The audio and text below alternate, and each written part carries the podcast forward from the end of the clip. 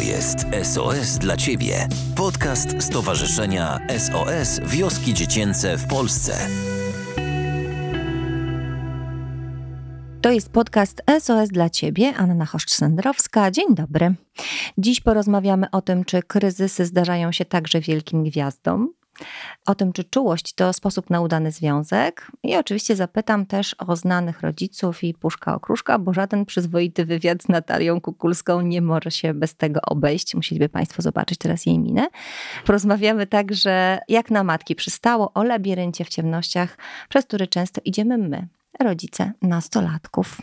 Moim gościem jest konsekwentnie idąca swoją drogą artystyczną wokalistka, mama, żona, wspaniała przyjaciółka, pierwsza ambasadorka SOS Wiosek Dziecięcych, Natalia Kukulska. Witaj Natalio. Witam serdecznie. No jak wymieniłaś te wszystkie moje role, to na hasło pierwsza ambasadorka SOS Wiosek Dziecięcych się uśmiechnęłam bardzo, bo to fajnie być pierwszą gdzieś.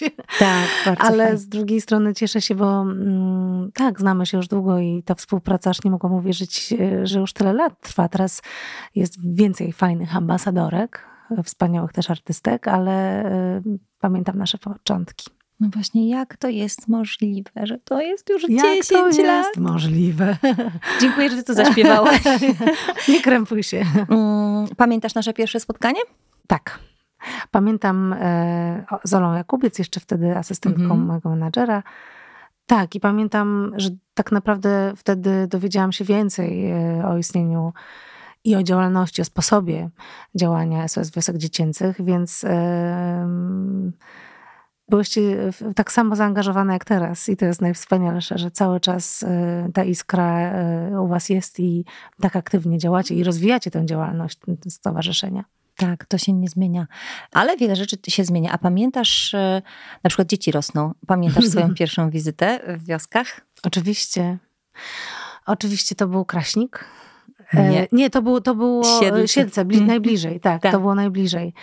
Tak, e, pamiętam jak e, zostałam zaproszona do domów i pamiętam jak poznałam Małgosię. Małgosię, pierwsze rodziny. W ogóle miałam okazję e, pobyć dłużej, zobaczyć e, jak to wygląda, jak wygląda ta codzienność. Nawet gotowaliśmy wspólnie e, posiłek. E, Oczywiście jeszcze dodatkowo zostaliśmy poczęstowani, a wszyscy zasiedliśmy razem do stołu i miałam okazję poznać dzieci, które później na moich oczach, tak jak zresztą moje dzieci, się zestarzały bezczelnie. Wiesz, że one są zdjęcia. prawie wszystkie już samodzielne. Wspaniałe. E, jedno z nich ma nawet dziecko.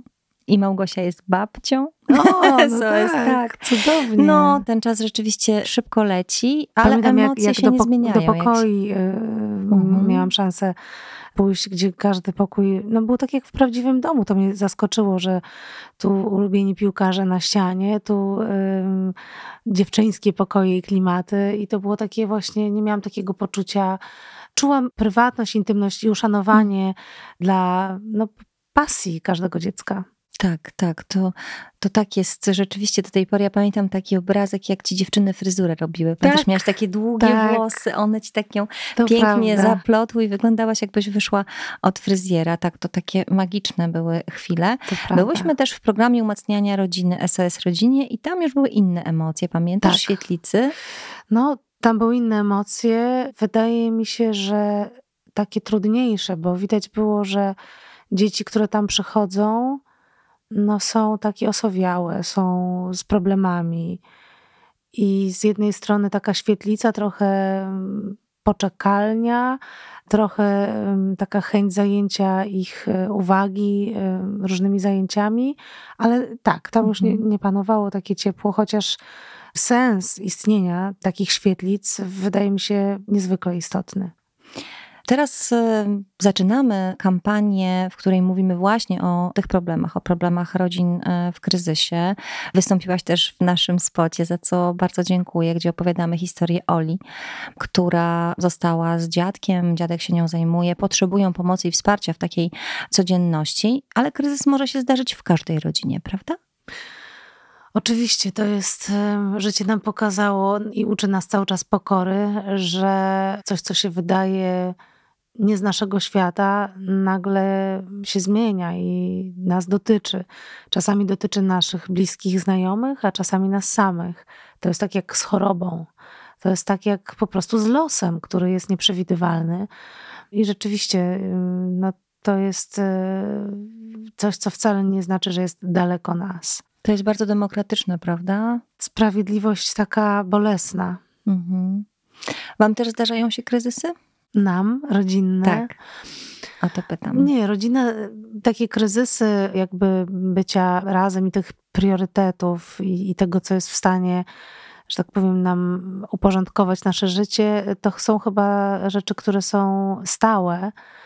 Ale oczywiście, no, dużo rzeczy się dzieje po drodze, jak ma się dzieci, jak ma się intensywne życie zawodowe.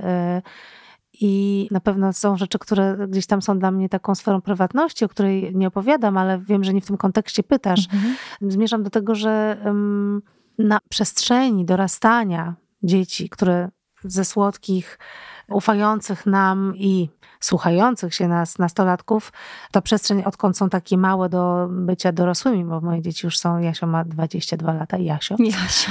Jaś, tak, Jaś Dąbrówka ma 22 lata, mhm. Ania 17, Laura 5, więc taka rozpiętość dość duża.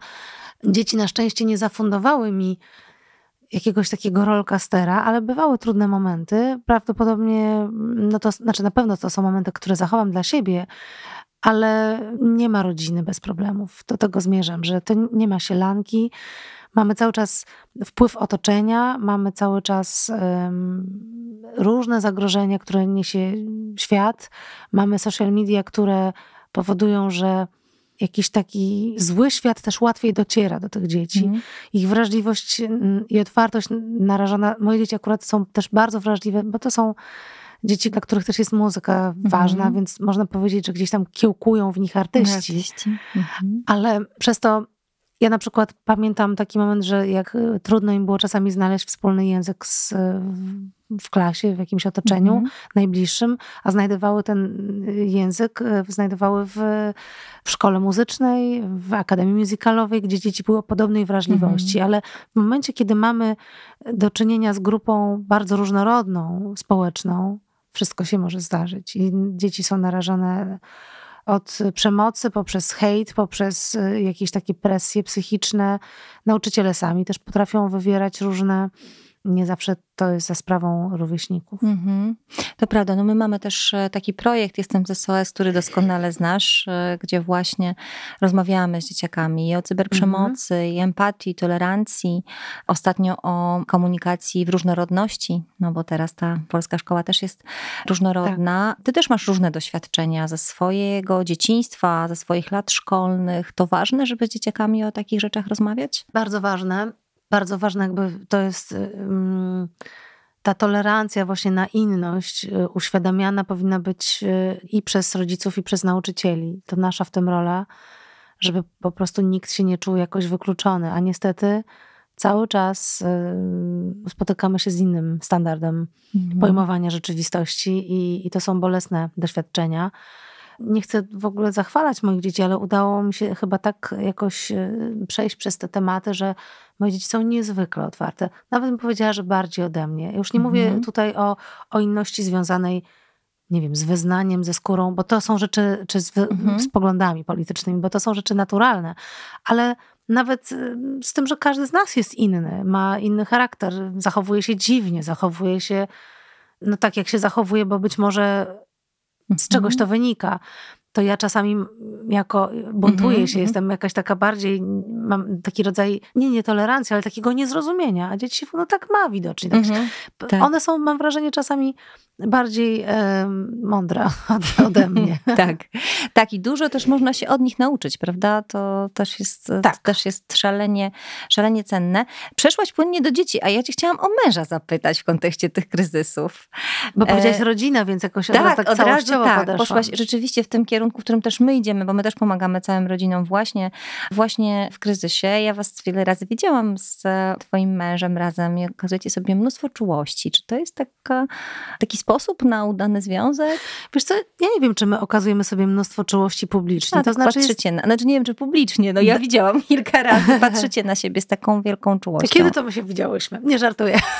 Aha, dobra, coś się zmieniło. Opowiadaj, nie, opowiadaj. Nie, właśnie nie chcę ani opowiadać. Mhm. Ostatnio w jakimś wywiadzie z Anią Zeidler powiedziałam, że małżeństwo to nie jest wieczna sielanka, jest to praca i są różne kryzysy i to jest kompletnie normalne. Jak śpiewałam sama, jak noc, która po to jest, by słońce mogło wschodzić mhm. w mojej piosence Decymy. Ale wiesz co... Mm, Tutaj jakby mamy staż 22 lat, także bardzo to są różne etapy. Wiesz, pojawienie się dziecka to jest jakieś trzęsienie ziemi. Pojawienie się jakichś takich problemów, y, nie wiem, związanych z odejściem bliskiej osoby, które też przeszłam i Michał mi w nich towarzyszył, bo i moja babcia i tata i to tak w zasadzie w niedalekim y, odstępie czasu, więc takie rzeczy, takie w ogóle kłopoty umacniają i stają się taką podwaliną tego, że gdzieś tam przeszliśmy przez najtrudniejsze momenty razem i to jest taki punkt odniesienia. Więc wydaje mi się, że jeżeli to jest, jeżeli jest e, szacunek i taka, no muszę to powiedzieć, taki zwykły, zwykła chemia, taka chęć mhm. jakby odbierania na wspólnych falach, że mamy papierkiem lakmusowym zawsze jest poczucie humoru i poczucie żenady. Więc jeżeli to się gdzieś, wiesz, zazębia, to to mhm. są bardzo istotne rzeczy. A reszta to ja bym tylko nazwała słynnym programem warto rozmawiać. Po prostu mhm. wiem, że są domy, w których nie mówi się o uczuciach, o swoich oczekiwaniach, trudno je nazwać, nie prowadzi się w ogóle takich rozmów, nie, wiesz, nie rozkłada się tego na czynniki, żeby ty to powiedziałeś, to mnie zabolało, ale ponieważ to się stało y, w takim momencie, to jakby wyjaśnianie mhm. sobie swojego punktu widzenia. Ja jestem strażnikiem tego mhm. u, nas, u nas w domu. Ale Czyli ciche już... dni to nie jest twoje. Y, to znaczy, ciche dni są w ogóle, moim zdaniem, czymś chyba takim najgorszym. Ale każdy ma inną naturę. Wiesz, mhm. ja akurat lubię sobie wyjaśnić, lubię to przegadać. Są ludzie, którzy się zamykają w sobie Natomiast wydaje mi się, że w związku wypracowanie jakby no, takiego środka pomiędzy pół na pół. Pół na pół, dokładnie. Wszystkie wzloty, każdy dół, dzielę z tobą pół na pół. Nie wypracowanie takiego środka w pojmowaniu, w otwieraniu się na siebie. E, jest, mhm. jest niezwykle ważne. Także te rozmowy, które potrafią być bolesne, zawsze są bardzo oczyszczające, bo nagle się okazuje, że też miałam taką piosenkę, osobno czy razem, na ostatniej epce, gdzie śpiewam dwa spojrzenia na świat w jeden zmieściły się kadr. Mhm. I tam śpiewam o tym właśnie osobno czy razem w zgodzie ze sobą. Zmądrzejemy z czasem, z wielkiej chmury mały deszcz. E, w takim sensie, że naprawdę czasami e, problemy urastają w naszej głowie do niebotycznych rozmiarów, a tak naprawdę to jest jakaś nasza projekcja, że czasami wystarczy jakieś otworzenie się na drugiego człowieka, zrozumienie. Czasami jest to terapia. Czasami mhm. ona jest bardzo potrzebna, tylko tu potrzeba otwartości na to. No? Tak, i bardzo często wsparcia, bo, Wsparcie, tak. Mm, bo też my mamy takie obserwacje z tych naszych programów umacniania rodziny, że rzeczywiście czasem potrzebny jest przyjaciel, który pewne rzeczy podpowie, gdzieś pokieruje, coś zobaczy y, z boku. Powiedziałeś, że kryzysy uczą i rozwijają, no i też y, my też z takiego założenia wychodzimy. Mhm. Czy ta nasza taka, powiedziałabym, druga noga działalności, czyli umacnianie rodziny i pomoc dzieciom w kryzysie jest Ci bliska, czy jednak ta piecza zastępcza w związku z Twoją historią, o którą muszę zapytać, skoro, skoro rozmawiamy też w kontekście wiosek dziecięcych? E, mówisz o moim dzieciństwie, -hmm. tak? No ja, mm, wiadomo, no, moja sytuacja jest jakby inna. Też no, -hmm. los mi odebrał mamę, jak miałam 4 lata ale miałam olbrzymie wsparcie i bliskość e, taty i babci. Zresztą babcia wcześniej już sporo czasu ze mną spędzała jako osoba opiekująca się, bo mama koncertowała i, i tak naprawdę, widzisz, los jest um, niesamowity, to znaczy też organizm człowieka jest niesamowicie skonstruowany, że ja mam wrażenie, że nastąpił jakiś taki proces wyparcia. I myślę, że wiele dzieci, które tracą rodziny, z jednej strony gdzieś w głębi duszy cały czas tęsknią, marzą, a z drugiej strony jak są małe, naprawdę małe, to są w stanie jakby przyjąć nowy świat, który jest im dany, jeśli on jest dobry. Dlatego to jest tak bardzo ważne, żeby, mhm. żeby on taki był. No i mi akurat to było dane. Więc y, los jakby mi odebrał, ale tak naprawdę nie miałam poczucia, wiesz, takiej straty. Tak naprawdę nie rozumiałam, co straciłam, bo nie pamiętam tej, mhm. tej relacji. I, ale wiem, że do wiosek trafiają y, dzieci, które są no, już w takim wieku, że pamiętają wszystko, mają olbrzymie, bolesne traumy. I wtedy to wsparcie jest y, niezwykle pomocne, bo od tego zależy, no to czy po prostu przyszłości są w stanie założyć własne rodziny, stanąć na nogach bez tych traum, bez frustracji, bez kolejnych problemów, które przyjdą, jak na przykład alkoholizm, y, jak na kolejne nałogi, ponieważ jest każdy nauk to jest przecież ucieczka.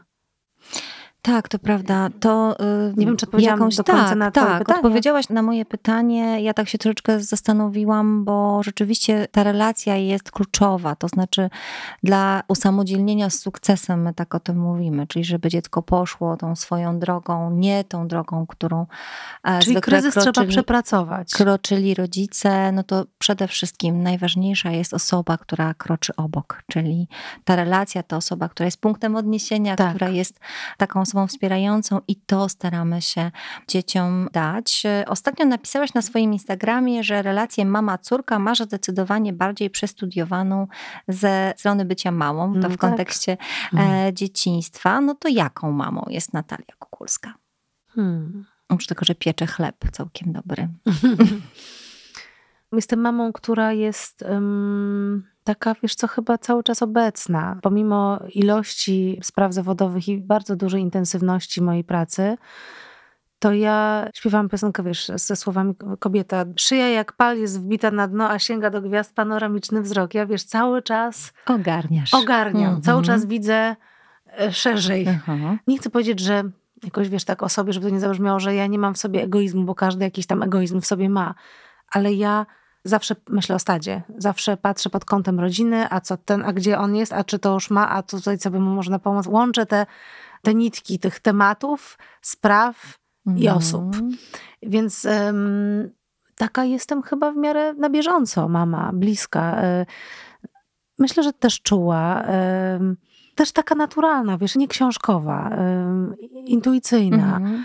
ale mm, staram się słuchać ich głosu, bo ja pamiętam ze swojego dzieciństwa zdanie, które wydaje mi się jest bardzo nie fair. Mm-hmm. Dzieci ryby głosu nie mają.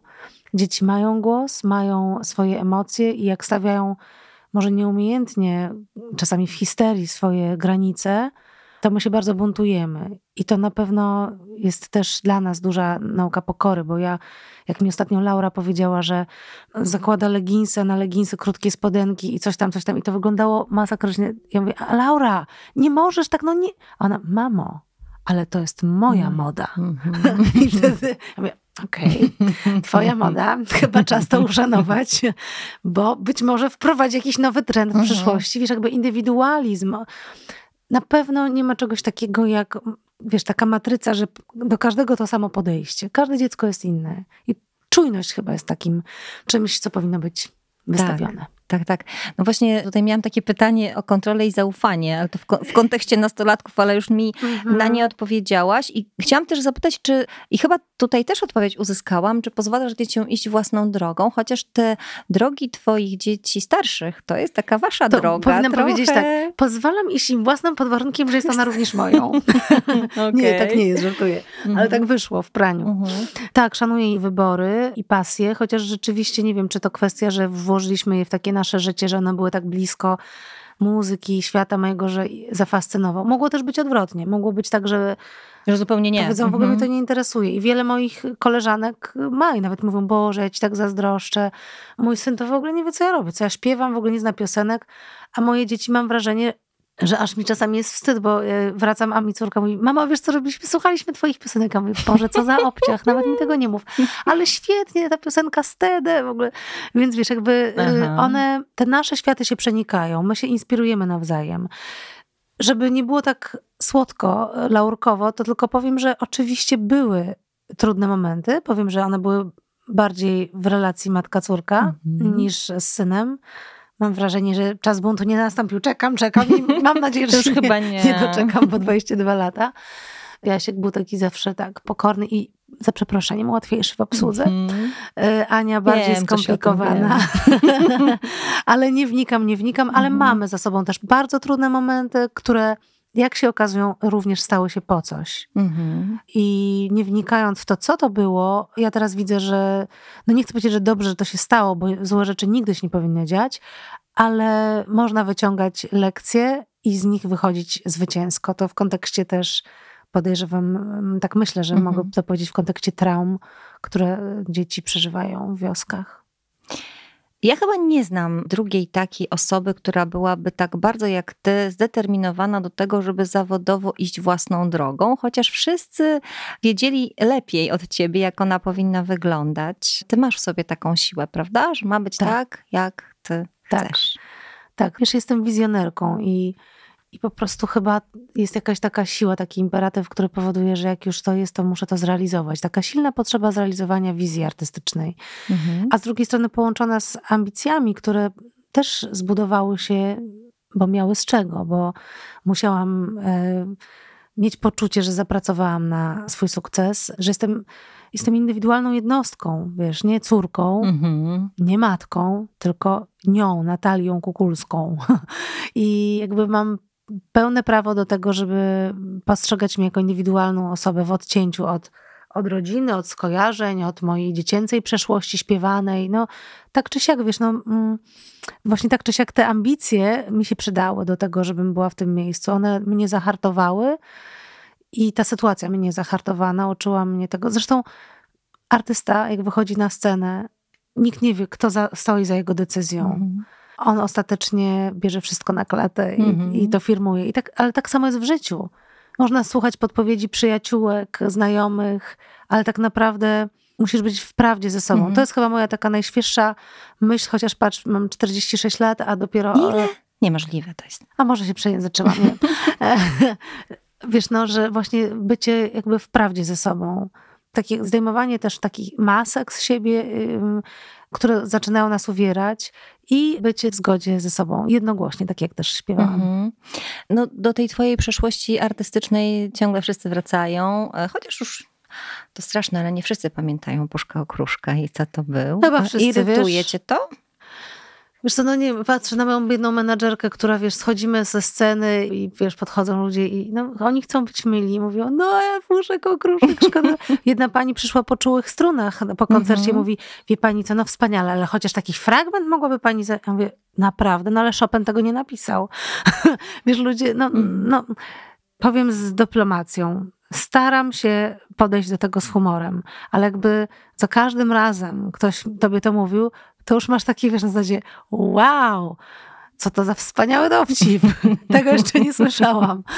No więc wiesz, no ale tak to jest. No, muszę wykazać się tutaj jakąś dojrzałością w tej sprawie. To ja zapytam jeszcze o dzieciństwo na Wawrzyszewie, Mhm. bo mieszkałyśmy na tym samym osiedlu. Fajne to było miejsce do dorastania? Fajne masz stamtąd wspomnienia? Wiesz co, ja myślę, że dzieci, jak mają szansę dać upuść swojej wyobraźni, znaczy zawsze mają wielki sentyment do miejsca, w którym, chyba że tam się dzieje zło, ale jeżeli nie mają, to zawsze mają wielki sentyment. Ja uwielbiam, nawet zajechałam tam ostatnio, bo to jest po drodze na, na cmentarz wawrzyszewski, który odwiedzam e, kiedy potrzebuję, albo jak są jakieś okazje urodzinowe, tak jak było ostatnio. Moja mama miała urodziny to zajechałam tam raz z moją córką Laurką i pokazałam jej to osiedle. I ono się nic nie zmieniło. Nawet byłam, powiem szczerze, bo mamy tam jakieś wspólne plany z gminą Bielany. I mówię, słuchajcie, no to podwórko jest taki sam, to jest ta sama zdrapana farba, tam się nic, zero progresu. A z drugiej strony, To jest takie fajne. To jest A takie ja robię fajne. to samo, wiesz? Dla- naprawdę. tak Ja chodzę tak sobie dookoła tych stawów. tutaj patrzę, tu babcia Mhm. mnie wołała na obiad. Tutaj krzyczałam tata, a babcia się wychylała i mówiła nie tata, tylko tato.